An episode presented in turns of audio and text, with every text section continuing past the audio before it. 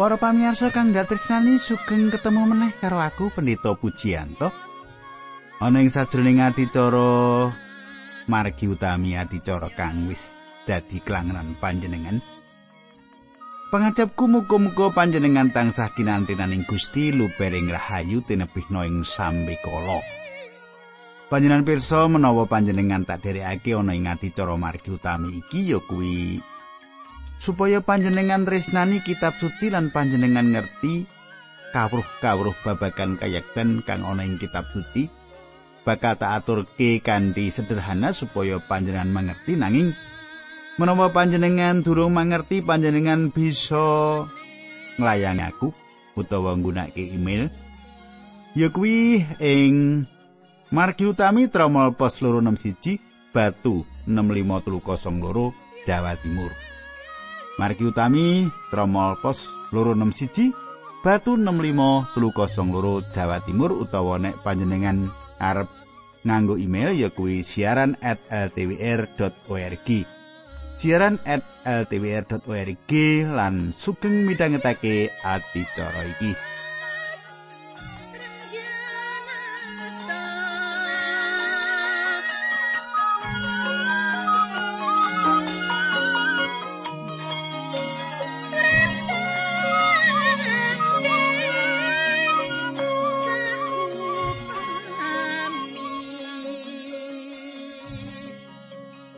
Para pamirsa kita wis nyinau pamecane Imam Agung Kayapas gegayutan karo Gusti kita Yesus Kristus. Saiki panjenengan tak derekake nerusake apa sing bakal kedadian sak banjure nanging sadurunge kuwi kita ndedonga dhisik. Yuwun supaya apa sing kita tindakake dina iki dadi keparenge Gusti. Duh Gusti Allah ingkang adhedhampar wonten kraton ing kasuwargan. Ing wanci menika kawula ngaturaken gunging panuwun menawi saged tetunggilan malih kalian sederek-sederek kawula. Lan kawula ndongaaken dhateng sederek ingkang samenika gadah keruwetan-keruwetan menapa kemawon keluarga, anak lan sanes-sanesipun. Kawula nyuwun kanthi panggegilut ing dinten menika ndadosaken padanging manah lan dados jalaran Gusti medharaken utawi ngudari sedaya ingkang ruwet menika. Dinambaran asmanipun Gusti Yesus Kristus kawula ndedonga haleluya amin.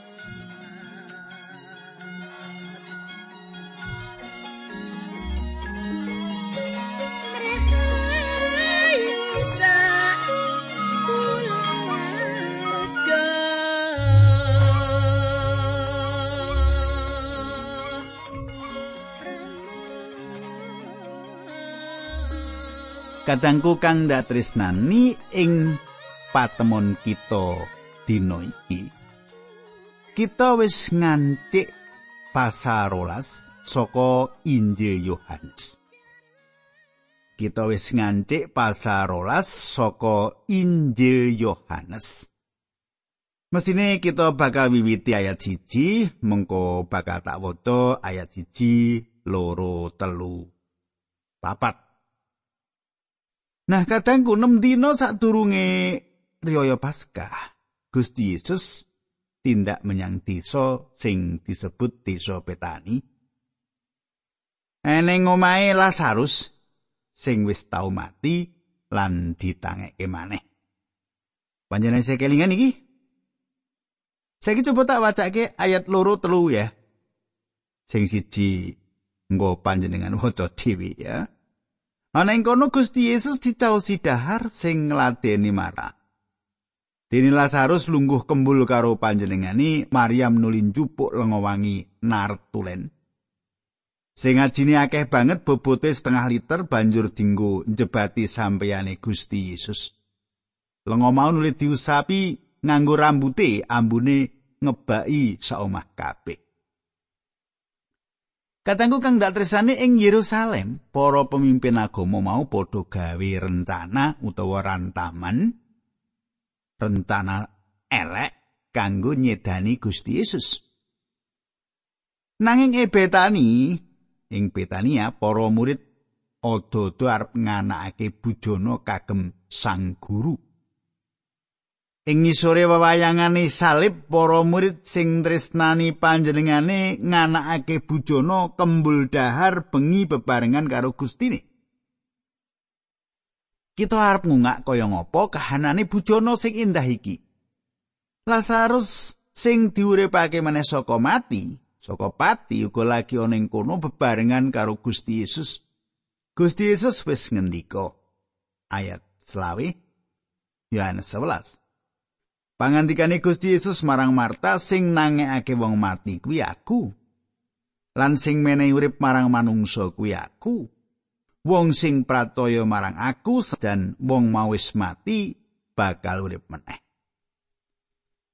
Kadangku kedadian iki pancen dadi kanyatan ning uripe Lazarus jalaran dheweke wis ngalami saka mati bisa dadi urip meneh. Bab iku uga kedadian ing urip kita secara rohani sing maune mati rohani. Saiki rohani kita diuripake kanthi percaya marang Gusti Yesus. Kita wis padha mati jalaran dosa kita. Saebo endahe sesawangan sing kita deleng wektu iku. Siji, Lazarus wis urip saka nggone mati, melu teka lungguh sak pajagong karo Gusti Yesus. Maryam lungguh uga ana kono. Lungguh cedhak karo sampeyane Gusti Yesus. Maryam sangsaya ngrembaka mundak-mundak ing katresnan lan cehramat ing sajroning pitepangan karo Gusti Yesus. Angka telu Marta sing lagi sengkut nyiapake daharan pancen iku kaluwihane Marta ngladosi kagem Gusti. Katanggu pancen ing gereja jaman saiki ana telung kanyatan sing cetha banget yaiku duweni urip anyar ing kapercayan marang Sang Kristus manembah marang Allah lan pujian kunjuk Gusti Oma ing Betania iki kudune dadi gambaran ing gereja panjenengan lan gerejaku. Uga iki bakal kedadian yen Gusti Yesus ana sakjroning omah kita bebarengan karo keluarga kagungane iki. Ana sawetara gereja sing wis mungkur saka ngarsane Allah lan mungkur saka apa sing dikersakake dening Allah. Panggonan iku wis ora dadi meneh panggonan sing indah lan dadekake berkah kanggo para umat ing panggonan liyani ana ing omahe Maryam lan Marta ana pamuji lan panembah jalaran ana katresnan sing katrem ing atine Maryam marang Gusti Yesus. Maryam jebati sambarane Gusti Yesus nganggo lenga wangi sing larang regani lan malah ngusapi sambarane utawa sampeyane Gusti Yesus nganggo rambuté. Iki kaya critane wong wadon tuna susira sing uga banjur nyeka sambarane, nyeka sampeyane Gusti Yesus nganggo rambuté. Mesti wae lenga jebatan iku ambune ngambar-ambar ngebaki papan kono. Coba saiki panjenengan semak ayat bab teko 6 Injil Yohanes rolas tak wacake mengkini surasani. Yudas Iskariot panunggalani sekabate Gusti Yesus muni mengkini. Kene lenga wangi kuwi ora didol wae rak bisa payu akeh nuli duwite didanakake marang wong miskin. Nggone Yudas muni mengkono mau ora kok mergo mikirake nasibe wong miskin nanging mergo saka culikane. Yudas kerep nganggo duit sing dadi rereksani. Kadangku, ana pangandikan iki Yudas Iskariot ketok asline. Dheweke iku bendahara ing kumpulan iki. Dheweke njurung supaya duwite Maryam dinggo nulungi wong mlarat wae. Lan Yudas bisa ngurus supaya Yudas etuk bagian saka duit mau. Ujian sing nyata iku tumrape wong Kristen katangku bisa kita deleng saka nggone ngurus duit Semonuga kanggo organisasi Kristen utawa gereja saka nggone ngurus duit kita bisa ngerti apik utawa orane. Cocok karo karepe sing menehi duit apa ora? Apa dinggo sak karepe dhewe. Tulung atus dinar iku meh padha karo opahe wong nyambut gawe kasar setahun. Ya kira-kira 10 yuta rupiah ing jaman saiki. Jalaran kanggone Maryam lenga wangi ku yen dinggo dhewe rumangsa kelarangan. Mula kabeh dicaosake marang Gusti Yesus. Yen kita gelem sinau kadangku lungguh ing sampeyane Gusti Yesus mesti kita bakal bisa ngaturi caosan sing luwih gedhe meneh. Maryam wis nyimpen lenga wangi iku ing botol saka pualam. Lenga wangi iku saka India lan dijupuk saka wit-witan tukul ana ereng-erenge Gunung Himalaya. Mesti wae regane larang banget. Lenga wangi iku sakbenere dicawisake kanggo dheweke dhewe. Mengko yen dheweke mati nanging banjur dijebatake ing sukune Gusti Yesus. Bab iki mujudake yen Maryam banget hormat. Yen Maryam banget tresno lan Maryam ngluhurake marang Gusti Yesus. Ngambar arume lenga naret tulen iku ngebaki panggonan kono malah nganti saiki ambar arume isih ngebaki jagat iki. Saiki ayat pitu tekan wolu. Nanging Gusti Yesus ngendika wis to wong wadon kuwi nengno wae aja kok ganggu. Penggawene mengkono kuwi minangka pacawisan nggonku besok bakal dikubur. Awit wong miskin kuwi selawase ana ing antaramu, nanging aku ora selawase ana ing antaramu. Kadangku kang dak tresnani iki lelakon sing ngidapi-dapi. Kenapa?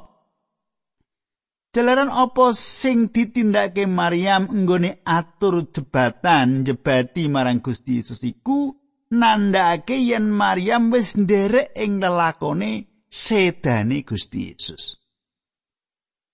Wong wadon iku sadurunge wis ngerti yen Gusti Yesus bakal sedo kanggo dosane donya iki. Nganti saiki arume lengon nartulen Maryam isih ngambar-ambar ing saklumahing bumi. Saipo kosok balene apa sing ditindakake Maryam karo apa sing dipikirake Yudas Iskariot. Kaya-kaya anane pepadang lan peteng dadi siji. Pepadang iku Maryam lan si pepeteng iku Yudas Iskariot. Kahanan iki bisa diibaratke kanggo jaman kita iki. Gusti Yesus ngendika yen wong mlarat tansah ana ing antaraning kita.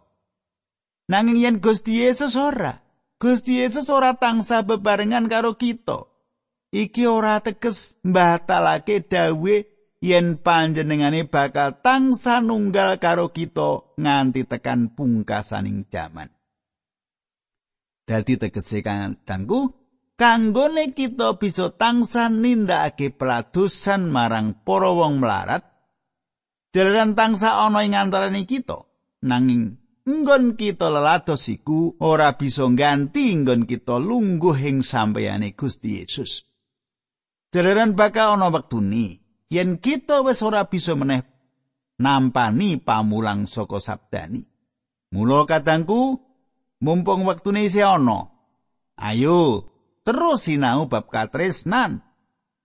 Sinau bab keadilane Gusti Yesus. Ojo kabeh tumindak panjenengan kanggo ganti wektu lungguh ing sampeyane Gusti Yesus. Ayat songo nganti 11. Akeh Yahudi sing padha krungu yen Gusti Yesus ana ing desa Pitani. Mulane wong-wong mau nuli padha nyusul panjenengane mrono nggone marani Gusti Yesus kuwi ora mung mergo kaelokan sing wis tindakake, nanging uga padha kepingin weruh Lazarus sing wis urip meneh. Kuwi sebabe para pengareping imam uga kepingin mateni Lazarus.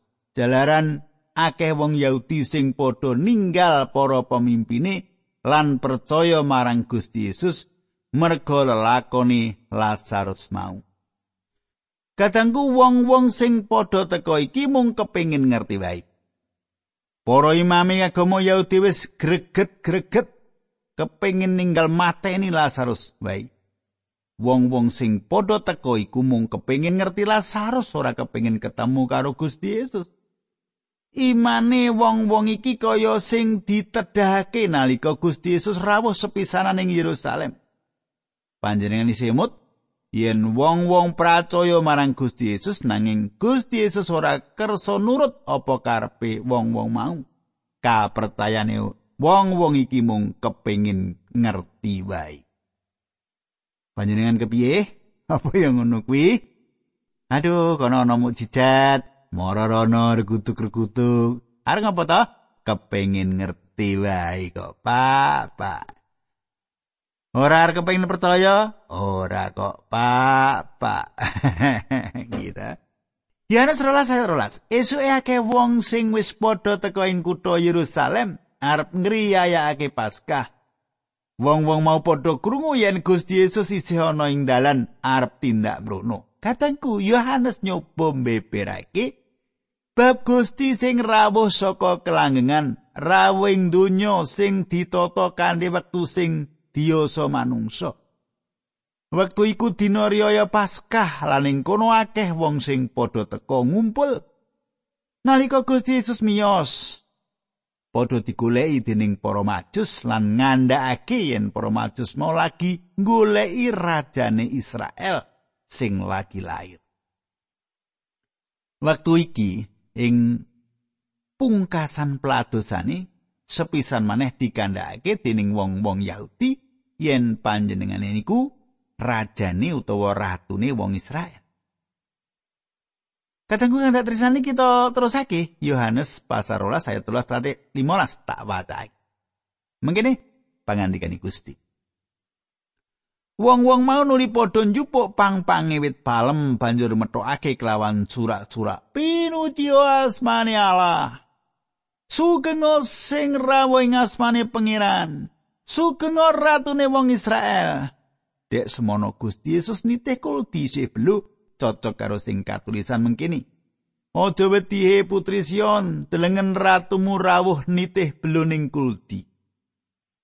Katangku, ing kene ing ayat iki wong-wong sing akeh cacahe padha nyuwun supaya Gusti Yesus kersa dadi raja dadi ratu ing Israel. Nanging Gusti Yesus ora kersa jalaran wektune wis kliwat, jalaran wektu iki wektu kanggo njangkepi kabeh isine pameco. Gusti Yesus nawakake marang bangsa iki pribadine nalika rawuh Gusti Yesus sing kanthi sesideman miyos gapura tempe. Ing sajroning pelatusan Gusti Yesus tansah nebih saka ramene wong akeh nanging sawise ngladosi wong akeh ora bisa dipenggak kepengin padha nyelak padha kepengin ketemu karo Gusti Yesus Nuli Gusti Yesus temoni wong-wong mau lan maringi tondo-tondo yen panjene masrahake gesange kanggo wong-wong mau lan donya iki. Gusti Yesus nindakake iku mau kanggo jangkepi pameco sing unine. Gusti Yesus rawuh nitih beloni kulti menyang Yerusalem. Kangkepi sabdane Gusti lan kersane Allah. Yohanes nulis kanthi ringkes rawe Gusti Yesus sing Yerusalem lan ngandhakake yen iki kanggo jangkepi pamecane Nabi Sakaria. Saiki Sakaria bab songo ayat songo. Coba panjenengan semak yo. He pusion, podo bungao, podo sura-sura oh he wong sing podo manggoning Yerusalem. Delengen ratu murawuh, rawe ngasto kaluhuran dan kamenangan. Ewa semono panjenengane lembah manah lan rawe nitih belu. Anake kuldi momotan. Kadangku wong-wong mau padha surak gembira lan padha nguwuh nganti soro hosana! Pinuji asmane Allah sugengo sing rawuh ing asmane pangeran. Sugengo ratune wong Israel. Ayat 16 tak wacake yo. Nalika semono para sekabat durung padha ngerti apa tegese kuwi mau kabeh nanging sawise Gusti Yesus kaluhurake ya kuwi sawise sinalip lan wungu meneh lagi padha kelingan. Yen lelakone Gusti Yesus mau wis katulis ana ing kitab suci lan saiki kelakon temenan. Kadangku nggone Yohanes nulis prastawa iki sawetara taun sawise kedadian dadi ora cetha sing dipangandikake dening Gusti Yesus. ayat pitulas lan wolulas tekan songolas. Wong-wong sing padha nderekake Gusti Yesus nalika panjenengane nimbali Lazarus metu saka ing kubur lan nangekake saka ing pati ora wis-wis nggone nyritakake lelakon mau wong-wong liyani.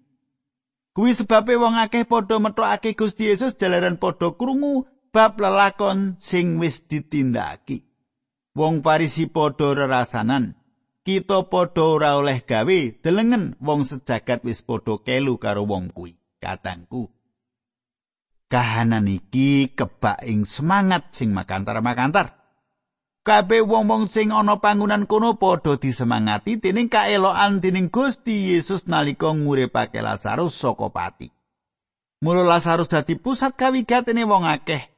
Dudu pribadine Gusti Yesus. Wong-wong Parisi uga ning kono tetep ing rantaman wiwitan kepengin ninggal nyedani Gusti Yesus. Nalika iku ing Yerusalem ditekani maewe wong sing padha nekani perayaan dina gedhe. Mesti wae Gusti Yesus bisa nampa makutha raja sadurunge kapentang ing salib nanging Gusti Yesus ora kersa. Jalaran yen Gusti Yesus kersa nampeni lan ngagem panguwasa ing wektu iku kita bakal disupekake lan ora bisa nampa kawilujengan. Mula Gusti Yesus tetep milih kapentang ing kayu salib ketang-ketang trasane marang kita, marang panjenengan lan aku. Kapentangi Gusti Yesus iku dudu sawijine kamenangan sawetara sadurunge sedo dalaran kamenangan langgeng bakal terus kargem ing astani. Ing tembe panjenengane bakal rawuh jumeneng Gustine. Sekabing Gusti lan raja saka sekabeh raja yaiku wektu sing bakal nuduhake sampurnane kamenangan kamulyan sak. Ayat 30 nganti 22 mengkene surasane.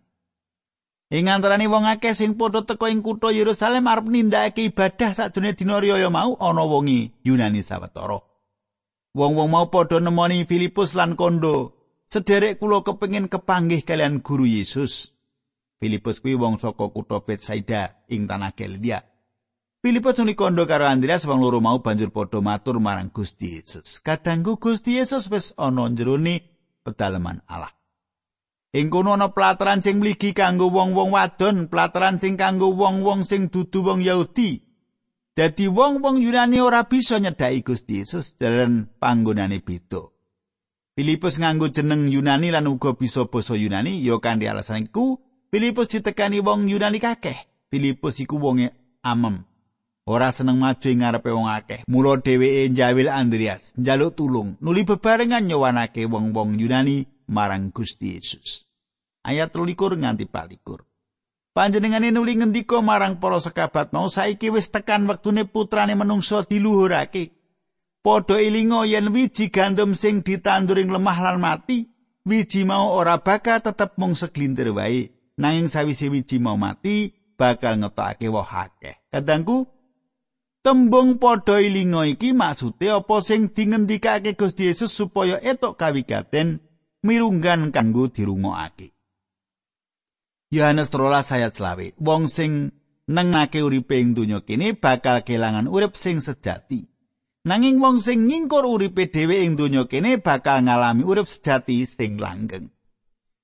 Kadangku wong-wong mau padha atur jawaban kejaba wong Yunani, iki mesine uga klebu para murid Gusti Yesus barang. Panjen Gusti Yesus miyos lan ngendika karo wong-wong mau, wong-wong Yunani iki wis asring krungu bab Gusti Yesus. Bab kaeloan sing ditindakake, apa maneh bab kaeloan ngenani Lazarus sing urip saka pati.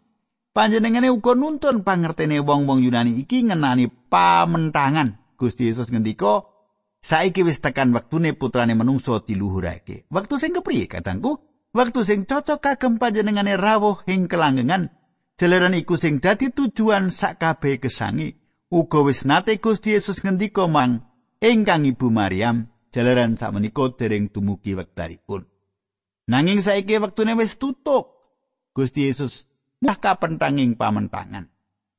Sumitraku semene dhisik atur giaran iki monggo kita tutup ing pandonga. Duh pengiran matur nuwun menawi wekdal menika kawula saged ngaturaken kayektosan-kayektosan wonten pangandikan paduka. Dinambaran asmanipun Gusti Yesus kawula pasrahaken sedherek kawula ingkang setya tuhu midhangetaken ati cara menika. Haleluya. Amin.